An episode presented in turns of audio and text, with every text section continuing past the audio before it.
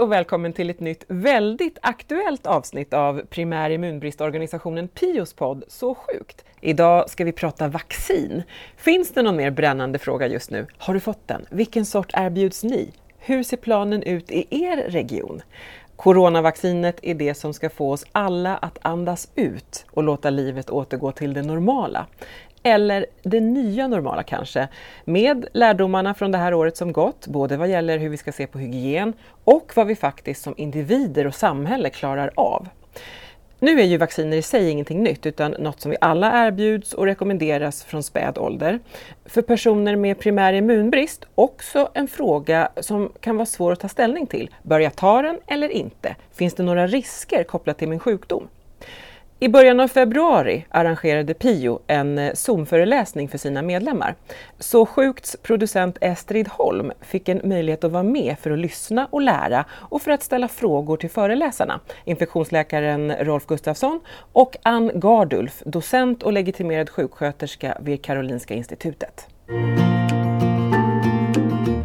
Hej Ann och Rolf, välkomna till podden. Och tack för att podden får fördjupa sig i det här med vaccin som väcker så många frågor. Tack så mycket. Tack för att vi får vara med. Ja, stort tack. Det är ju inte så enkelt eh, att ge raka svar, det fattar jag, när det handlar om frågor relaterade till primär immunbrist och vaccin, för det finns så många olika varianter. Ja, det stämmer precis. Men ibland kan man nog faktiskt tro också att det här med vaccinationer vid primär immunbrist är lite krångligare än vad det egentligen är. Mm. Så att jag hoppas att vi kan, kan reda ut en del saker under det här samtalet. Men finns det några generella rekommendationer att förhålla sig till för de här olika varianterna? Några vacciner som personer med primär immunbrist aldrig ska ta? Ja, det finns ju två huvudtyper av vacciner.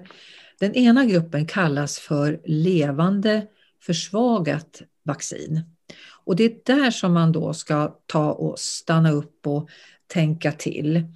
Eh, för där finns ju ändå ett smittämne med även om det då är, är, är försvagat. Och hos de som inte har ett nedsatt immunförsvar, där orsakar det då inte sjukdom utan det stimulerar immunförsvaret till att, att bilda ett skydd. Men däremot har man då av någon anledning, inte bara primär immunbrist, det kan vara andra skäl också, man har ett nedsatt immunförsvar så får man ändå fundera då på de, den här gruppen utav vacciner.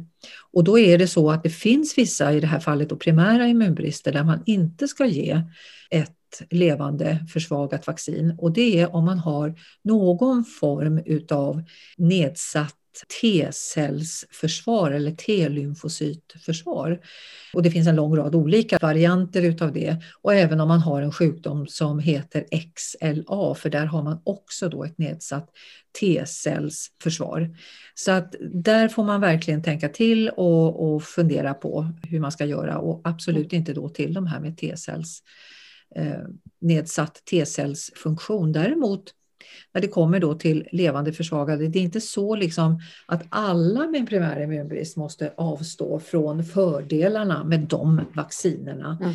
Utan till exempel då efter individuell bedömning eller de som har en det som kallas för en IgG subklassbrist eller om man har brist enbart så att säga på IgA eh, eller om man har en så kallad komplementeffekt. Där går det bra att använda också de här levande försvagade vaccinerna. Och när det inte går bra, vad är det som händer då ifall man skulle ta dem ändå? Om man har då eh, en, ett nedsatt T-cellsförsvar så finns det då en risk att det här levande försvagade vaccinet kan orsaka just den infektion som man egentligen är ute efter att mm. ge ett skydd emot.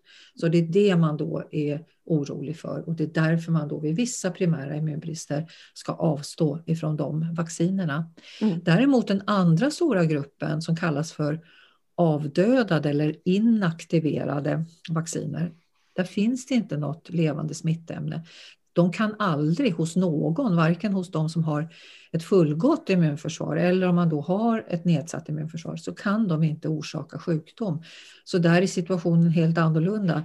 Där kan det aldrig bli något tokigt när man använder de vaccinerna. Så de går också alldeles utmärkt att ge till personer med en primär immunbrist. Det finns ju egentligen väldigt lite fakta om eh, personer med primär immunbrist och vaccin. Men eh, du Ann har ju varit med och gjort eh, en av få studier då som finns. Kan du berätta lite vad ni kom fram till?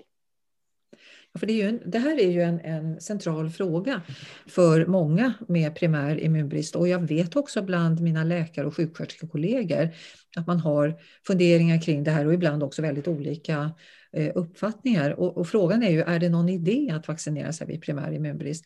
Och som du säger, det finns väldigt lite, tycker jag, data kring, kring det här.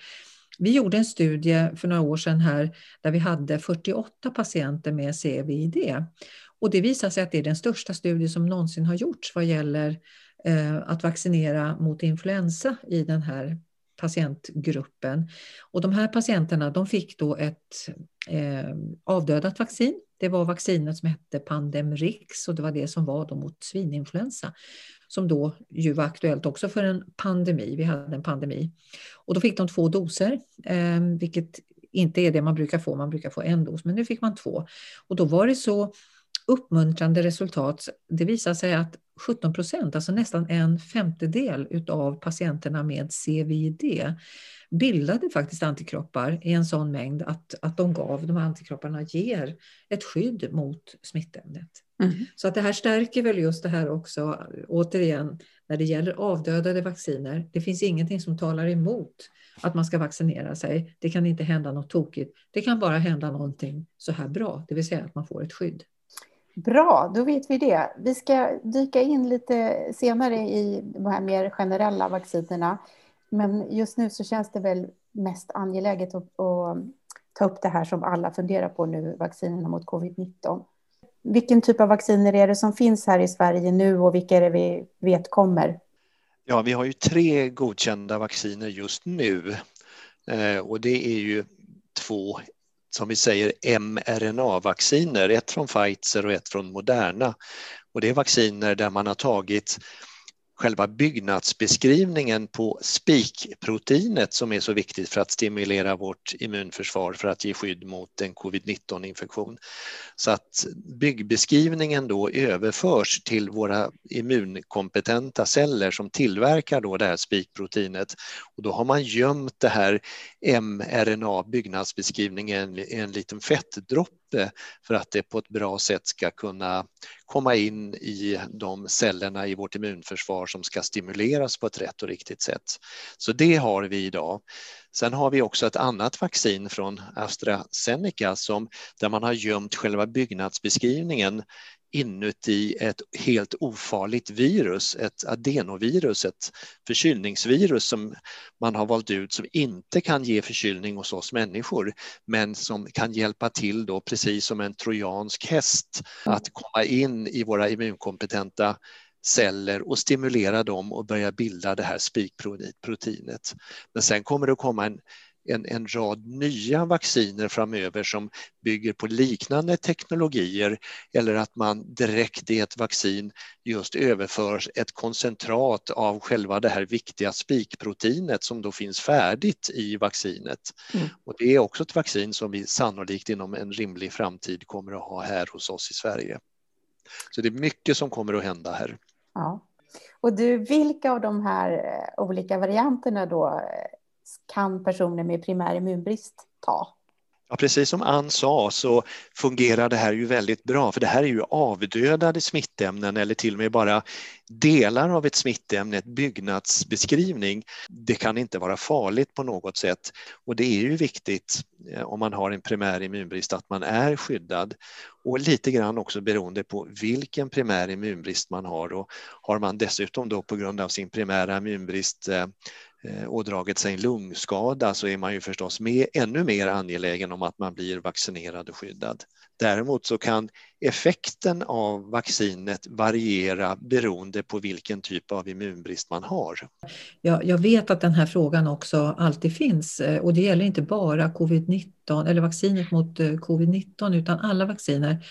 Och det är den här, måste man vaccinera sig? Och där är ju svaret nej, alla, eh, alla medicinska behandlingar eh, är ju alltid någonting eh, frivilligt. Och det tycker jag också är viktigt. Absolut. Och att man har respekt för det ifrån oss i sjukvården, att vi liksom inte tycker att det här är helt fel att ha den här känslan eller att man känner oro inför att vaccinera sig och inte minst nu med ett nytt vaccin och Mm. undrar vad, vad kan ändå hända och vad kommer att hända på, på, på längre sikt utan att vi verkligen känner respekt för de frågorna och visar att vi känner det och tar frågorna på allvar ehm, så att inte personer blir ännu mer ehm, avvaktande.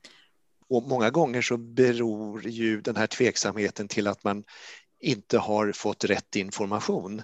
Många som har varit oroliga och bekymrade kanske har sökt information på nätet och hamnat på informationssidor som kanske inte sprider rätt och riktig information om det här. Så här har vi ju en central roll inom sjukvården att verkligen kunna ge svar på de här frågorna så att man känner sig så pass trygg så att man vågar bli vaccinerad så att man inte avstår på grund av ren okunskap eller rädsla för någonting man inte behöver vara rädd för.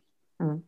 Ja, det är ju nog också många som i ganska färskt minne har vad som hände efter svininfluensavaccinet, där pandemrixen och, och narkolepsin som drabbade flera unga personer. Ja, Det- med all, med all rätt så att säga, för det var ju fruktansvärt det som hände. Mm. Eh, De här vaccinerna vi har nu bygger på helt andra principer så att det liksom går inte att jämföra. Det är två helt olika, olika grejer. Mm. Om man då tänker eh, de här vaccinerna mot covid-19, är det någon, ska man tänka, är det någon skillnad på barn och vuxna där eller? Ja, vaccinerna är ju idag godkända från 18 års ålder. Sen gör man ibland undantag och kan vaccinera även personer under 18 år om det finns synnerliga skäl som det heter. Eh, och det kan ju vara till exempel att man har ett kraftigt nedsatt immunförsvar av något skäl eller har någon annan allvarlig sjukdom. Och då sker alltid det i samråd med den ansvariga barnläkaren. Men annars verkar vaccinerna som man har provat idag, åtminstone några av dem, fungera väldigt väl i alla åldrar, även de som är 18 år och unga vuxna ända upp till äldre personer. Du nämnde ju det här Ann, eh, att vaccinet gör lite olika nytta beroende på vilken typ av eh, primärimmunbrist man har. Vad är det, vad Mm. är det som händer i kroppen om man har ett defekt immunförsvar och får vaccin? Det är egentligen, man, man härmar egentligen då att genomgå en infektionssjukdom. Men egentligen mekanismen bakom då, den immunologiska mekanismen, det är ju det att man, man vill då att det smittämnet, att det ska stimulera då immunförsvaret att bilda ett skydd. Men saknas det då någon del eller det finns för lite av det eller, eller den, den delen av immunförsvaret kan inte agera på ett normalt sätt, nej, då, då får man inte, då kan man inte bilda det skydd som man eftersträvar helt enkelt. Mm. Är det något av de här covidvaccinen som nu är aktuella som är bättre eller sämre ur primär immunbristsynpunkt då? Ja, det vet man ju inte riktigt för man har ju inte testat det här just specifikt på personer med olika immunbristsjukdomar utan det här är ju provat på tiotusentals personer med både friska och de som har olika sjukdomar. Man har provat det på personer som har ingått i de här stora grupperna som har haft kanske en cancersjukdom. Man har provat det hos personer som har en HIV-infektion eh, och lite annat, men inte specifikt just på primär immunbrist.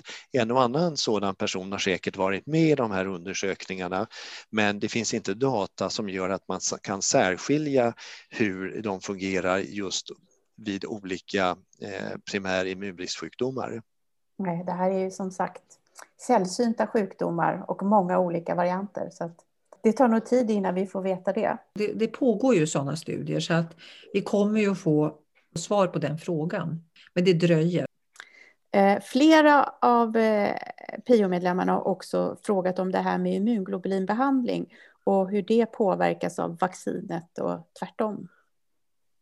Precis, intressanta frågor. Eh, och det ena frågan man kan tänka sig det är ju då om jag nu står på den här behandlingen, eh, förhindrar det då att jag bildar ett, ett, ett skydd, ett immunologiskt skydd efter att jag har vaccinerats? Och den andra frågan kan ju vara då, har jag, om jag står på den här behandlingen, får jag redan så mycket eh, antikroppar mot specifika smittämnen så jag kanske inte jag behöver inte vaccinera mig för jag är, är redan skyddad. Och om jag tar den här första då med Eh, om jag står på det, är det någonting då som gör att jag inte eh, kommer att kunna bilda ett skydd? Ja, där är det så att immunglobulinbehandlingen det kan hämma effekten av vaccination just med levande försvagat vaccin. Inte återigen de här som är eh, avdödade eller inaktiverade. Där spelar det ingen roll utan det är då just vid vissa av de här eh, levande försvagade vaccinerna. Eh, och därför brukar man säga, eller man säger att det ska gå om möjligt då tre månader från senaste behandlingstillfället till dess att man vaccineras med den typen av då levande försvagade vacciner. Vilket i praktiken ofta är väldigt svårt att avstå från sin behandling så länge. Och det gör man ju då därför att man vill få ner eh, nivåerna av antikroppar så lågt som möjligt då, så att man inte ska ha dem i blodet som kommer ifrån immunglobulinet.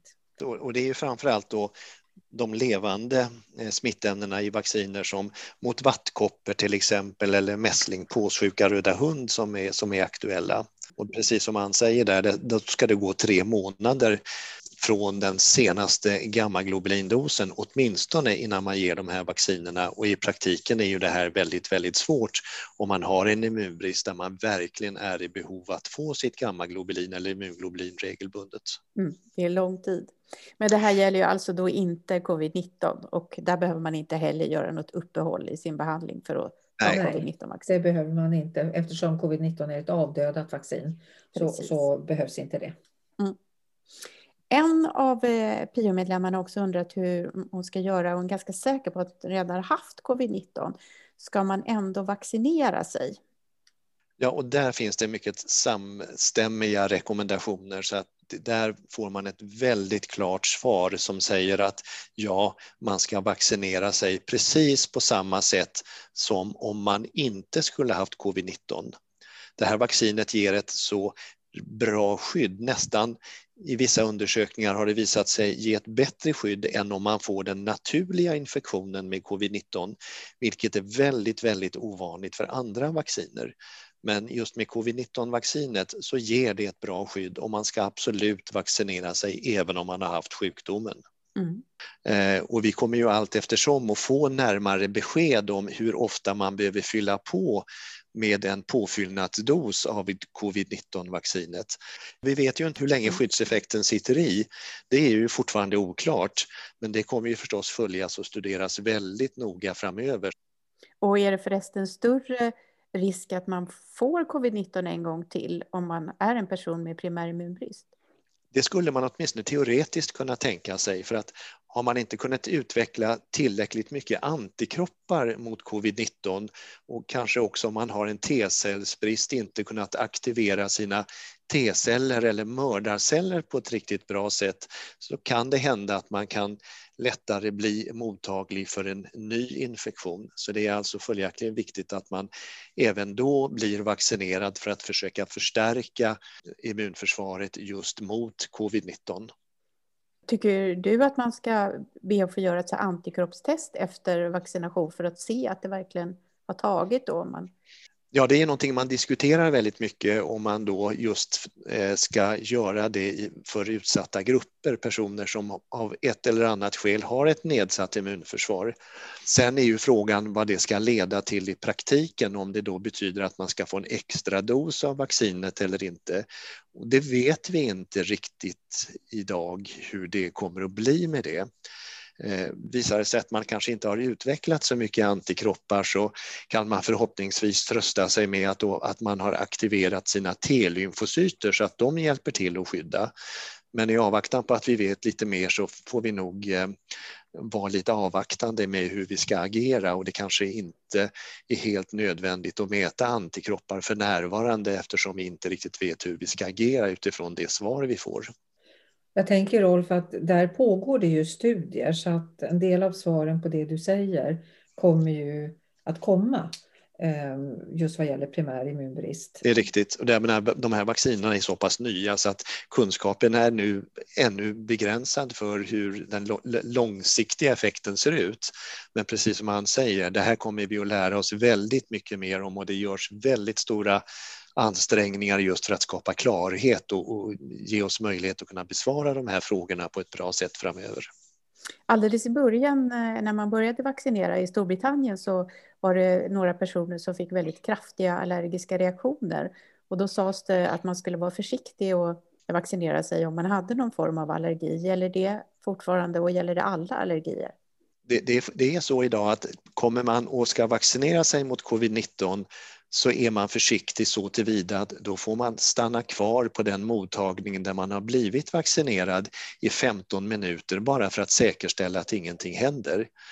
Eh, de personer där man har sett eller som har en ökad risk för att reagera, det är de som tidigare i livet har haft en allvarlig allergisk reaktion, till exempel en anafylaktisk reaktion som har gjort att man har förlorat medvetandet och kanske hamnat på sjukhus. Och det har visat sig att man har varit allergisk mot eh, jordnötter eller getingstick eller någonting annat och kanske är så allergisk så att man alltid går med en adrenalinpenna på sig. De personerna är man extra försiktiga med när de vaccineras. Så det brukar man helst vilja göra på en, en särskild mottagning med en alldeles särskild beredskap om någonting skulle hända och då får man till och med stanna kvar 30 minuter efter man har blivit vaccinerad innan man får, får gå hem igen. Och I USA har man då erfarenheter att risken för så här allvarliga reaktioner, det är ungefär en på hundratusen när man blir vaccinerade. Så att det är ovanligt, men det förekommer och vi måste då alltid vara beredda att hantera sådana här akuta reaktioner oavsett var man blir vaccinerad någonstans. Och säkerheten är verkligen A och O i de här sammanhangen. Och du nämnde specialistmottagningar där, men det gäller alltså bara i de fallen eh, personer med primär immunbrist ska normalt få sina vaccinationer på samma vaccinationsmottagningar som alla andra, eller hur? Ja, det är helt rätt. Så är det. Vad bra. Eh, om vi då ska ta och vidga oss lite. Eh, aktuellt just nu, förutom covidvaccin, är ju vanlig influensavaccin. Och där verkar det vara lite olika hur personer med primär immunbrist brukar göra.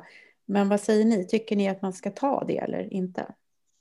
Eh, influensavaccinet som man ger som en injektion, det är ett avdödat vaccin. Det enda som kan vara det är ju då att det immunologiska svaret och därmed skyddet kan variera mer än vad det gör hos andra personer med ett fullgott immunförsvar. Men absolut, ta vaccin mot influensa. Och du håller med Rolf? Ja, och, och där måste vi verkligen bli bättre kan jag tycka. Vi ser ju bara att våra myndigheter rekommenderar ju alla som är 65 år eller äldre att vaccinera sig mot influensa. Och ser vi hur det ser ut varje år så är det ungefär hälften av dem som borde vaccinera sig enligt de rekommendationerna som verkligen går och gör det.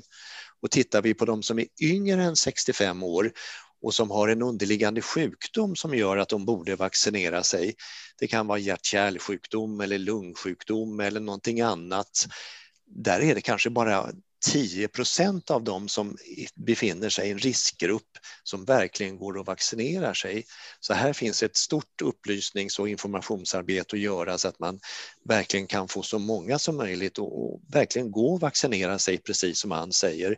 Det är en väldigt, väldigt viktig åtgärd och det här gäller ju inte bara personer som är känsliga för infektioner utan det här gäller ju också då övriga familjemedlemmar som det då är viktigt och klokt att de är vaccinerade för att i sin tur då indirekt kunna skydda den personen som har ett nedsatt immunförsvar. Mm. Jag tycker det är viktigt att påminna om också att eh, säsongsinfluensan är en allvarlig infektion. Det har glidit undan lite nu. Vi diskuterar mycket nu vaccin mot covid-19. När det gäller då eh, säsongsinfluensan det är ju alltså ett stort antal personer som avlider varje år i komplikationer som relaterar då till eh, säsongsinfluensan. Så att eh, absolut, det är en stark rekommendation att eh, vaccinera sig mot, mot den här sjukdomen.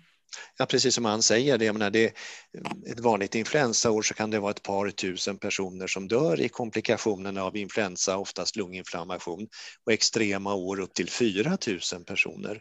Så det här är en, en, en allvarlig infektion och, som kan ge upphov till allvarliga eh, konsekvenser just i, i form av lunginflammation i efterförloppet. Nu har vi ju haft väldigt få fall av influensa hittills i år och det beror ju inte minst på att vi nu är försiktiga det här med handhygien, hålla socialt avstånd och vara hemma vid minsta symptom det skyddar oss ju inte bara mot covid-19 utan det minskar ju också risken påtagligt för att drabbas av influensa. Och vi ser ju också oändligt mycket färre fall av vinterkräksjuka. Mm. Så, så bara man nu inte glömmer bort det här med att influensa kan vara en mycket allvarlig sjukdom bara för att vi just i år har haft färre fall av influensa, att man, man, man eh, släpper uppmärksamheten på detta, utan man ska ju naturligtvis fortsätta att vaccinera sig framöver om man då är över 65 år eller tillhör en medicinsk riskgrupp. Och för alla andra som också är intresserade förstås. Vad bra. Vi har ju redan varit inne lite på det här med mässling och påssjuka och så där, men om vi ska ta och gå igenom andra vanliga vaccin, då är ju det bland det första som man får som litet barn vaccin för mässling, påssjuka och röda hund. Ska man låta barn med primär immunbrist få det? För, förut så har man ju varit orolig för att det kan finnas enstaka barn som har en medfödd primär immunbrist och som kan då reagera väldigt allvarligt på en, en eh, vaccination med ett levande smittämne. Och det var ett av skälen till att man valde att förlägga vaccinationen mot mässling, påssjuka och röda hund så långt fram som vid 18 månaders ålder. Just därför att man inte skulle utsätta ett, ett barn med en, en eh, medfödd immunbrist för ett levande smittämne. Och då räknade man med att innan den här tiden på 18 månader så skulle man av andra skäl börjat bli misstänksam och förstå att det kunde varit något avvikande med barnet om barnet drabbades av allvarliga infektioner under den tiden. Nu ser ju situationen lite annorlunda ut för nu har vi ju infört neonatal screening där man redan då i samband med eh, födseln kan upptäcka allvarliga immunbrister. Och det har också gjort att man har börjat diskutera att man kanske ska tidigare lägga vaccinationen med, med det första levande vaccin som man får mot mässling, påssjuka, röda hund tidigare än 18 månader. Jag vet Ann, du har ju varit involverad i det här med neonatal screening så du kanske vill kommentera det. Det man erbjuder då föräldrarna till nyfödda är att de nyfödda kan få ingå i det screeningprogram för svåra allvarliga sjukdomar som finns och det man då kan upptäcka när det gäller primär immunbrist det är de som kallas för svåra kombinerade immundefekter. Eh, sen finns det andra eh, screeningprogram på gång för andra typer av immunbrister men just nu så är det den man kan upptäcka och då är situationen väldigt speciell eh, och som vi har nämnt förut då, så levande eh, vacciner ska man inte då använda till barn med en svår kombinerad immundefekt därför där ingår just ett nedsatt eller inte fungerande eh, T-cells eller T-lymfocytsförsvar. Eh, och där är ju förstås då den barnläkare som man har kontakt med som man får diskutera med och se hur man hanterar den situationen. För de blir ju då väldigt sjuka förstås. Om ja, de blir väldigt sjuka om de får. Det var ju så man började lära sig. Man gav ju alla nyfödda för vaccin mot tuberkulos och Eh, där upptäckte, var så man lärde sig, eller upptäckte väldigt många tyvärr av barnen med svåra kombinerade immundefekter. Därför när man gav det här vaccinet, och det BCG-vaccin är då ett levande vaccin, då blev de här barnen då som hade en svår immunbrist, de blev väldigt svårt sjuka. Eh, och det var då man kunde förstå att det här är ett barn med ett nedsatt immunförsvar. Men eh, då hade det ju redan hänt en väldigt allvarlig händelse. Mm. Folkhälsomyndigheten rekommenderar ju också vaccination mot hepatit B för alla spädbarn. Är det något för primär immunbristbarn? Det är jättebra, för hepatit B kan ge upphov till en mycket allvarlig infektion och man kan också få den på ett väldigt lindrigt sätt i början så att man inte får några uppenbara symptom. Men man kan ändå utveckla en kronisk infektion som på sikt kan skada levern och ge upphov till skrumplever och i värsta fall även levercancer. Och mot hepatit B så har vi fått allt bättre läkemedel att kunna behandla den infektionen, men den är fortfarande inte helt lättbehandlad. Så det är väl jättebra att man redan tidigt i livet får ett skydd mot hepatit B, för det är ju en infektion som både finns här hemma i Sverige och inte minst utomlands om man är ute och reser. Så det är jättebra att vi har infört det i barnvaccinationsprogrammet tycker jag. Mm. Återigen, här behöver man ju inte vara orolig eftersom det är ett avdödat vaccin. Barnet med en primär immunbrist kan inte få hepatit B. Nej. Och eh, nästa steg i det här allmänna då, eh, skyddet som vi ger till våra unga, det är HPV-vaccinet mot livmoderhalscancer. Också jättebra att det införs, för det är ju det är faktiskt det första vaccin mot en cancersjukdom som vi har, vilket är helt fantastiskt. Och att man nu också inför det och erbjuder det till pojkar gör ju att effekten blir än större. Eh, så det är jättebra. Och det här är också ett avdödat vaccin. Så det är absolut inte att farligt att ge till någon som har en primär immunbrist. Bra. Egentligen det enda man behöver hålla koll på som primär immunbrist person, det är ju att fråga eh, om vaccinet som är ett levande vaccin eller inte. Det är en enkel tumregel. Ja, det är en mycket absolut. enkel tumregel att hålla sig till. På det sättet är det inte så svårt med vaccinationer vid primär immunbrist. För det är att hålla rätt på de här två huvudgrupperna, levande försvagat eller avdödat inaktiverat eh, smittämne. Mm. Och i den sista gruppen, ingen, inga problem. I den andra, ja, vissa typer av primär immunbrist ska man avstå, men vid andra så går det bra. Mm. Men om vi då för att sammanfatta lite ska ta de här som man också rekommenderas när man ska ut och resa för ordningens skull. Sånt där som stelkramp, polio, gula feber och kolera. Är det några av dem som man inte ska ta om man har primär immunbrist? Är det några av dem som är levande? Vi låter Rolf börja där. Rolf är nämligen också tropikmedicinare. Ja, det är riktigt några av de vaccinerna som man ska undvika. Och det är ju så när man ska ut och resa så ska man ju komma i väldigt god tid till sin vaccinationsmottagning för att då planera och lägga upp ett bra vaccinationsprogram.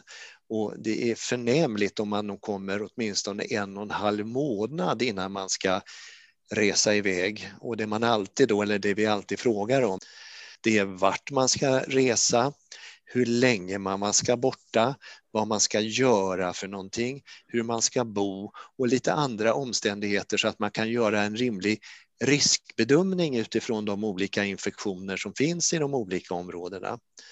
Och talar vi då om de levande vaccinerna som kan vara aktuella när man ska ut och resa så är det förstås igen då att, att fråga, även om man är vuxen, om man i barndomen har fått vaccination mot mässling, påssjuka och röda hund just med tanke på att den här typen av infektioner, inte minst mässling, då, förekommer i utbrott runt omkring i världen och att det då kan vara aktuellt med att bli vaccinerad om man inte har blivit vaccinerad eller haft de här sjukdomarna tidigare.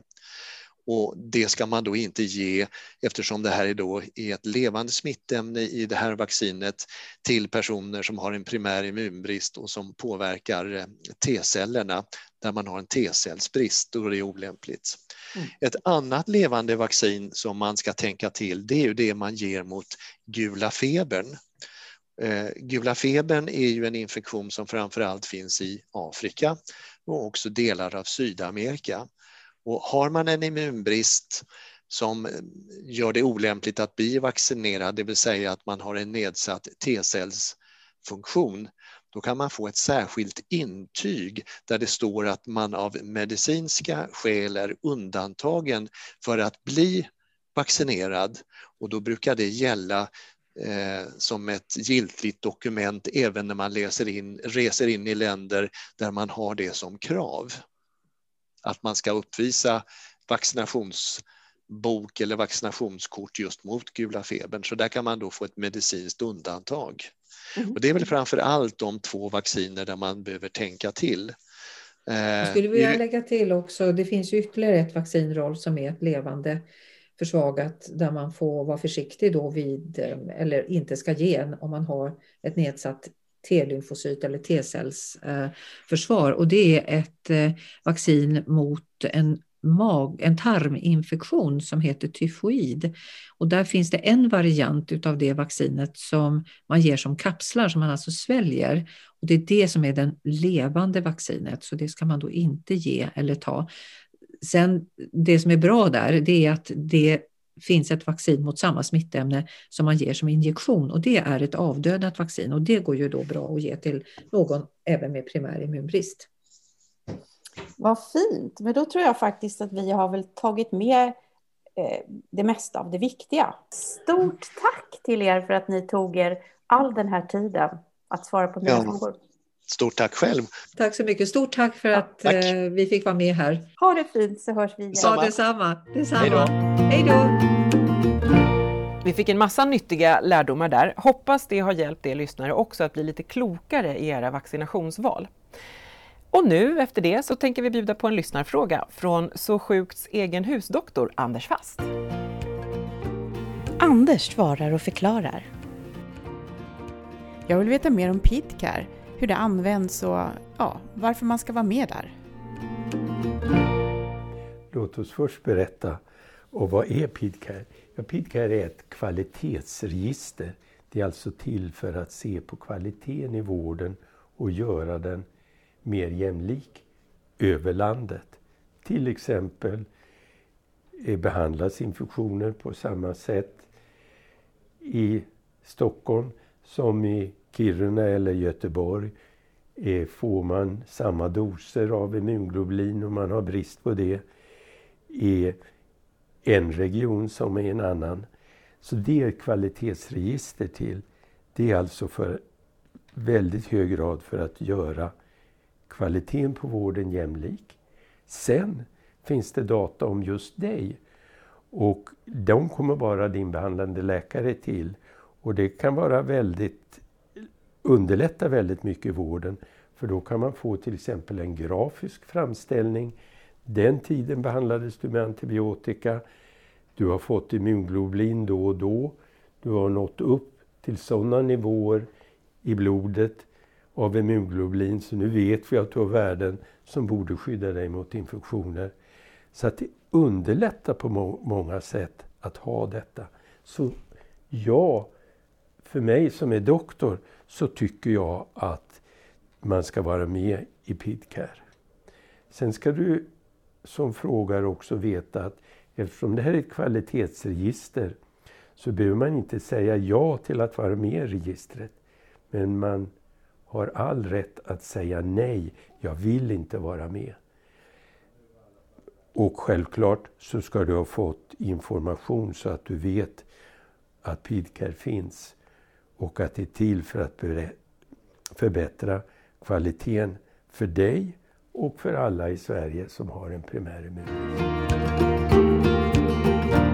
Stort tack för det Anders och tack för att du har lyssnat. Vill du höra av dig till oss så kan du mejla sasjukt.pio.nu. Vi vill gärna ha tips och synpunkter. Tack också CSL Bering som gör det möjligt för Pio att arbeta med att sprida information genom podden. Hej då från mig, Lysette Rådström och producent Estrid.